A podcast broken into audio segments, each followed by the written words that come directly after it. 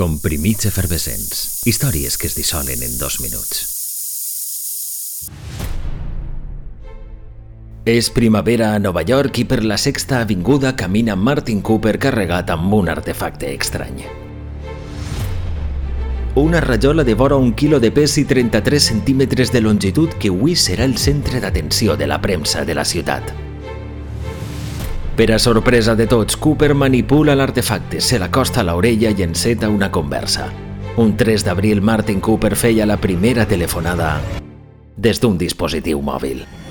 Cooper tenia 44 anys i era un alt executiu de Motorola.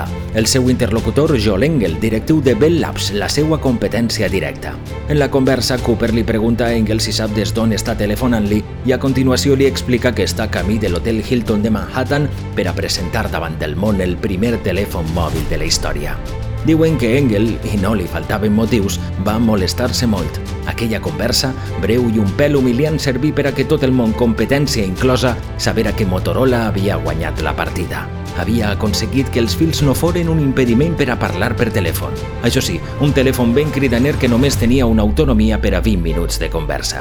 Amb tot, el primer telèfon mòbil de la història, tot i les seues dimensions i el seu valor, al voltant de 7.000 dòlars, que obligarien a esperar 10 anys per a que el somni de parlar per telèfon sense cables fora una miqueta més assequible. Avui fa 44 anys d'aquella humiliant conversa d'un 3 d'abril de 1973.